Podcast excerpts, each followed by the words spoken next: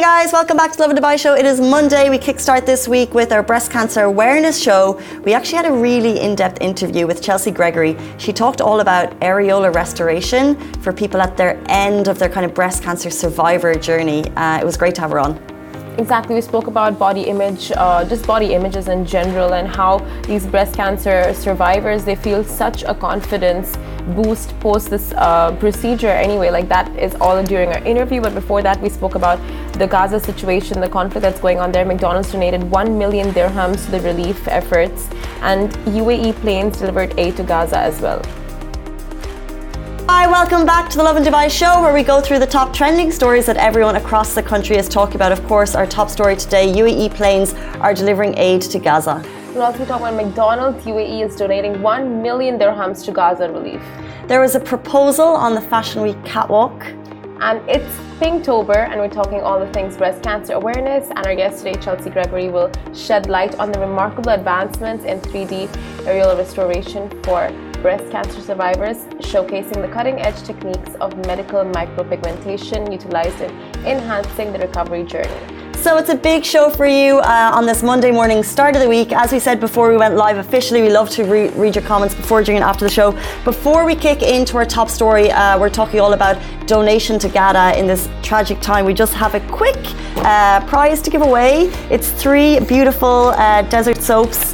Can I tell you um, if you want to open one up there. Okay. Uh, therefore, exfoliating, and if you just tag someone, uh, you can get it for them. So if you just tag someone who deserves a little pick me up at the beginning of the week, it's hard to get out of bed, not easy. Uh, these are deep cleansing, natural exfoliation, and they're healthy for healthy and amazing soft skin. It's amazing. Like it looks so good. It's a mud soap, you guys. And yeah, it's got Dead Sea mud soap properties, deep cleansing, natural exfoliation, everything Casey just said, and an exciting prize to be winning and gifting someone really special. So do keep your comments coming in for just tag someone who you think exactly as someone said, someone so, special so who deserves to win. I'm seeing some of the comments through. Uh, someone saying the comments uh, are very bad. We're going to jump into our top story. Uh, we're talking about UAE planes delivering aid to Gaza. Several planes carrying aid for Palestine have landed at El Arish International Airport, including a World Health Organization plane bound for Gaza, a third Turkish aid plane with a total of 60 tons of medical supplies, heating, equipment, and food, and a plane from the UAE carrying medical aid and relief. Jordan also sent an aircraft with assistance and medical supplies through Al Arish International Airport to support the, uh, to support and treat those affected in Gaza amidst uh, recent news.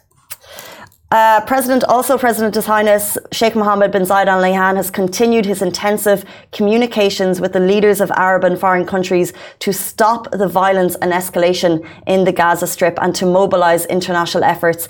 His main focus of the conversation was to ensure respect for the international humanitarian law and provide protection for civilians to avoid them su- suffering due to the worsening situation on the ground, which I know uh, we've all been deeply touched by um, and affected throughout the weekend. His Highness held communications with His Majesty King Abdullah bin, um, bin Al Hussein of Jordan, Abdel Fattah el Sisi, President of the Arab Republic of Egypt, Ursula von der Leyen, President of the EU Commission, and Benjamin Netanyahu, who is President of Israel.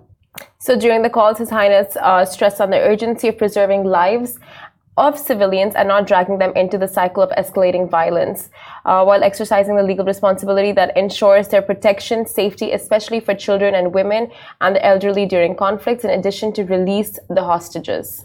So we'll move on to the topic of aid. People are keenly trying to get uh, money through the safe corridors, and the Al Rafah corridor has is opening today, as far as we're aware. Uh, one such which is McDonald's. The McDonald's UAE is donating 1 million dirhams to Gaza relief. Now, McDonald's UAE made an announcement over the weekend after people began boycotting the fast food chain all over the Middle East. So, McDonald's UAE announced that it is fully owned by and operated by Emirates Fast Food Company LLC and will be donating 1 million dirhams to support Gaza and the relief efforts. The donation will be made through the Emirates Red Crescent's Tarahum for Gaza campaign.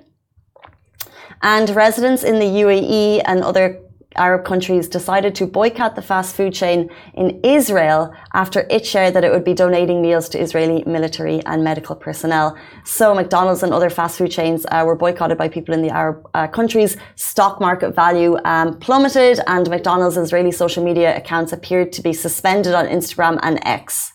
McDonald's in other Arab, uh, sorry, McDonald's in other Arab countries, including Saudi Arabia, Kuwait, Qatar, Oman, and Egypt, have all released similar statements clarifying the owners of the franchises, all of which are local. Nonetheless, people believe that the mother company gets a cut from these franchises, thus supporting Israel.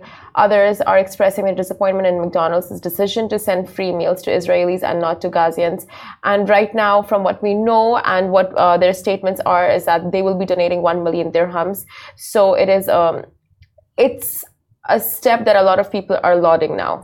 I think the key thing is that what the what the owners of each franchise are saying is that look, it's not us. So what they're doing in the UAE is doing what their bit, which is what they can do to get aid to the people affected most, which is in Gaza. Exactly. And I, I think I read a statement from McDonald's over the weekend. They were just like McDonald's is not owned by a single owner. It's owned by the people. It's the uh, it's like the food of the people. It's the voice of the people.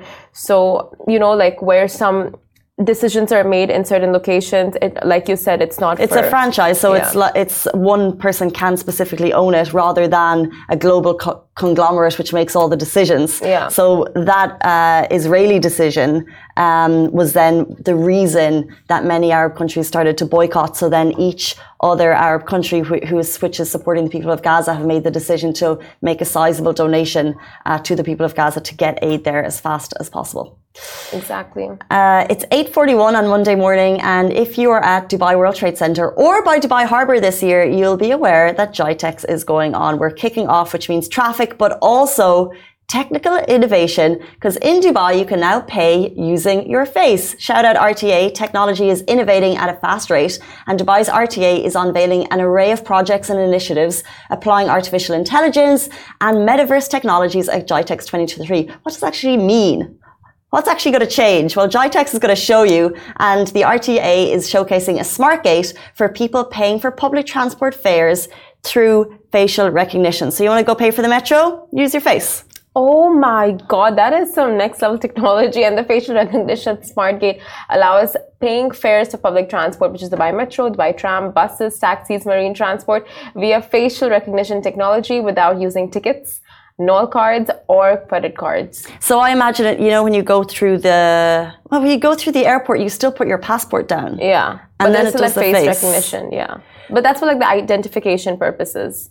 But this would be the same because it, you would top up your N- NOL card. What do I say? NOL. NOL, NOL card. Yeah. Uh, you would top up your NOL card and you'll still. It's been a while since you've used the metro. Yeah. Yeah. Yeah. I don't live by one. Um, but I used to obviously use it quite regularly and you will just top up your NOL card, but you won't have to carry it because it will use the facial mm. recognition. So, like how speedy services at Dubai Airport have advanced and therefore we're through DXB super quickly, this system operates by registering and identifying the user. It recognizes your face using cameras and analyzes it in 3D. The images are then transformed into bio data matched with the image, and then the amount is deducted from your account. His Excellency Mattar Al Tayer, Director General, Chairman of the Board of Executive Directors, RTA, said RTA is committed to harnessing emerging technologies and AI to boost productivity, elevate operational efficiency, and enhance, enhance customer services. This drive is aligned with the directives of His Highness Sheikh Mohammed bin Rashid Al Maktoum, Vice President, Prime Minister of the UAE, and ruler of Dubai, to foster well being in Dubai by offering diverse options for residents with a view to transforming Dubai into the best city for living in the world.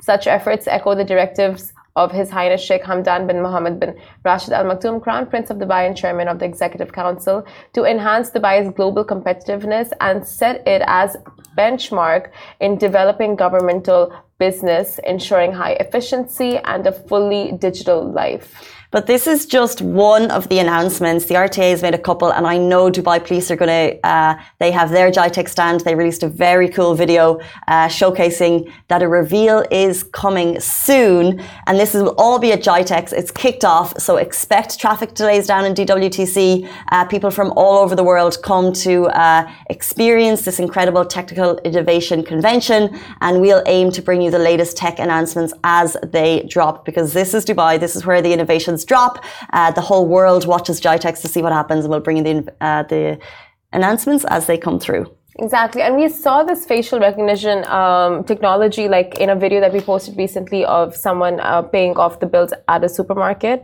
And like slowly it's rolling out. And, you know, when you come to Dubai, from countries like honestly when i when i went back to india it was just like the stark difference in technology it's so obvious and clear. So when you come here and you like have all these really modern, enhanced uh, technologies that are being rolled out, and especially with the self-driving cars that were like seen on the roads last week, Dubai is really living in the future. True. I'm trying to imagine paying for a Dublin bus with my face, and it's just we're a long way away. Very long. Um, but of course, this is an announcement at GITEX. When it will actually be rolled out to public is a whole other story. But uh, do know that they are always keenly looking at innovation and innovative techniques to make our life more efficient and easier, which is why we love the city so much. Next up, we're talking about a proposal.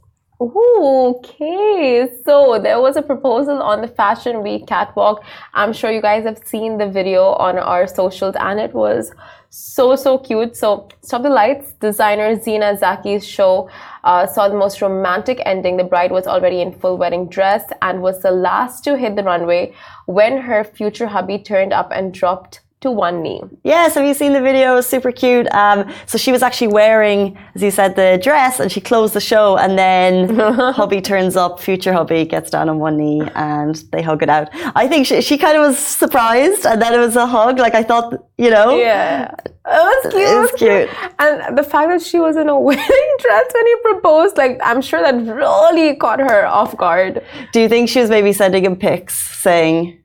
You know? This is what this is what you could yeah.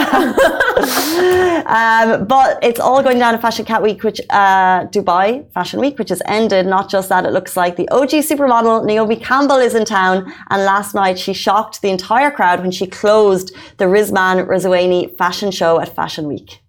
So a twitter report said the legendary model turned showstopper for the malaysian designers who were the grand finale showcase this season. So a lot of like the fashion game is so strong in Dubai right now. And the videos that are coming out of Dubai Fashion Week and all the designers, and we have Fashion Week going on like in multiple locations across the world. And it's just, it's just, I love love it love it love it love seeing beautiful dresses the it's not just the dresses you know it's all the inspiration behind them it's all the like hours of work and just um, you know designing it so it's incredible to see what people have come out with. So true. And I totally agree. I think that Fashion Week continues to go from strength to strength. And we have homegrown designers here that people get really excited for Michael Cinco, Amato, uh, and so many more. And then also they'll bring in, you know, Carla, Carolina Herrera was a guest of honor at this year's Fashion Week. And it's like, I feel like the, how the restaurant foodie scene has evolved over the years that, you know, when we started, uh, when we started, you know, over the years, it was always about the big restaurants coming. It was always yeah. about the Michelin star uh, awarded chef bringing a restaurant here. But slowly over time, we've graduated and we're starting homegrown concepts. And then, you know, we saw uh, Saddle, yes. Emirati restaurant has opened up in London. London project is opening up. It started here and it's opening up around the world.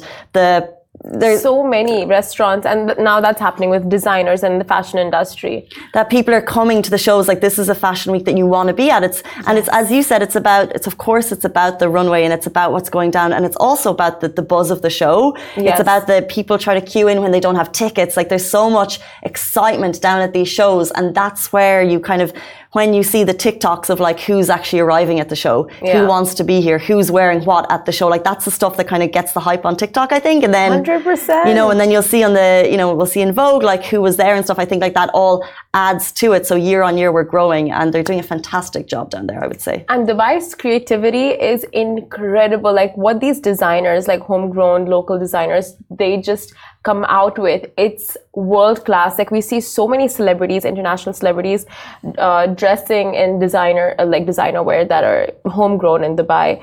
And like you said, like the buzz is next level because when I went for the Michael Cinco show last year, people were queuing up outside. Like it was a free entrance, and people were just like, there was such a large crowd just waiting to enter because um, the shows were like one show, there's a break, another show, another show, like back to back shows, and it's like in the middle of like during the breaks, that's when people like change, and yeah, it was like the anticipation was massive.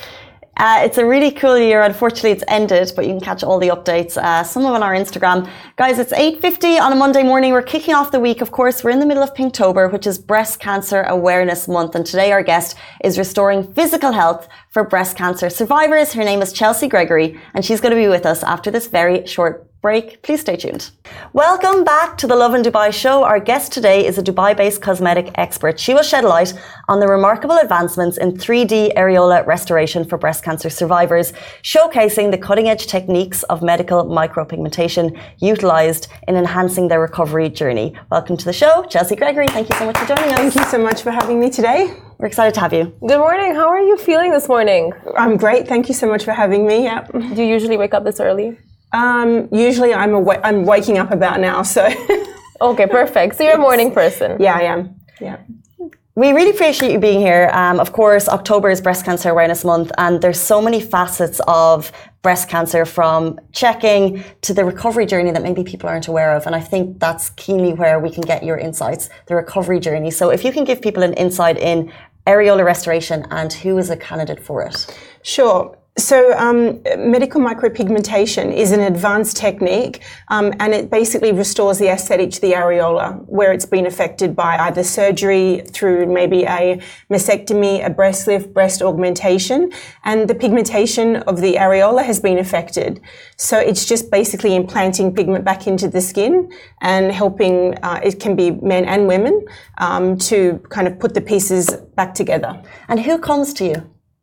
So, a candidate is really anyone that's been affected, their areola or nipple has been affected through either surgery or it could even be a skin condition. But a lot of the cases are um, breast cancer.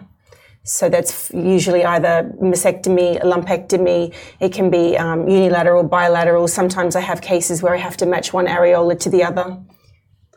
So how does it work exactly? How do you get the 3D result and you know like how do you make sure it's like hyper realistic? So if you think about you know art and how to achieve um, you know shadows through shadows and highlights, you're creating a 3D effect. If you take a piece of paper and you draw a circle on there and you need to make it look like a ball, you need to add shadows and highlights. So it's it's the same kind of thing. Lots of colors, lots of um, yeah depth, highlights, and yeah. Do you colours. feel like this restores a person's confidence as well? Like do you see a difference in that aspect? Definitely, of course. I mean, especially um, you know patients that have been through something as traumatic as breast cancer or a mastectomy. Um, you know, it's it's it's a very disturbing feeling to look in the mirror and not recognize the body that you've known your whole life. Right. So this um, this treatment um, is kind of like the final piece of restoring and putting the, the the pieces of the puzzle back together for women. This is what I was going to ask. At what stage do people get in touch with you? At what stage of their journey uh, would they reach out for this type of help?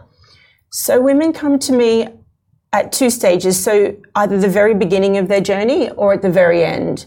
So at the beginning, they come to me because I sometimes do their eyebrows. One thing that um, people don't consider is that you know when you lose your hair through chemotherapy, you can cover it with a scarf or a wig, but when you lose your eyebrows, it can be, you know, it affects your face. If you've seen any of those memes where sometimes they remove celebrities' eyebrows, you look quite, you know, it's quite different. So, um, with the weather here and being so hot and humid, drawing them on every day is, you know, with rubbing, they, they come off and getting them even. So, a lot of patients come to me at the very beginning, before they start chemotherapy, they've just been diagnosed, or they come to me at the very, very end after all their treatments. And my work on with, the, with breasts and areola restoration is the very last thing. So beginning, very beginning, and the very end. So we're talking physical restoration, which we'll get back to, and I really, I'm really interested in how 3D technology has advanced in the work that you do, but also about like the well mental well-being of the person. Is it challenging for you dealing with each patient during the recovery process? Yes, it, it is challenging, um, but I'm always inspired by women that I meet, their strength. You know, I, I, see younger women younger and younger every year coming through with breast cancer with young families. You know, a lot of them still work through their treatments, um, and I'm I feel like honoured and it's a privilege to be able to you know add such a positive contribution to their to their journey. Um, I've always kind of prided myself on my ability to be able to connect with my patients, and um, you know I feel that I can I can definitely help them restore the physical pieces, but also the psychological aspect. I completed a course with the um, George Washington University in um, patient oncology navigation. Um, about three years ago, just so I could help understand the needs of my patients better and um, how I can help them more. Mm-hmm. So this process, I just want to ask, like, is it painful? Um, how long does it stay for? Is it a permanent situation, or is it something like you know you need to keep going and getting touch-ups for? Good question. The the results last I'm going to say sort of five to eight years, but they don't fade out completely. You may just need a little bit of touch up work. Um, and uh, it's not painful.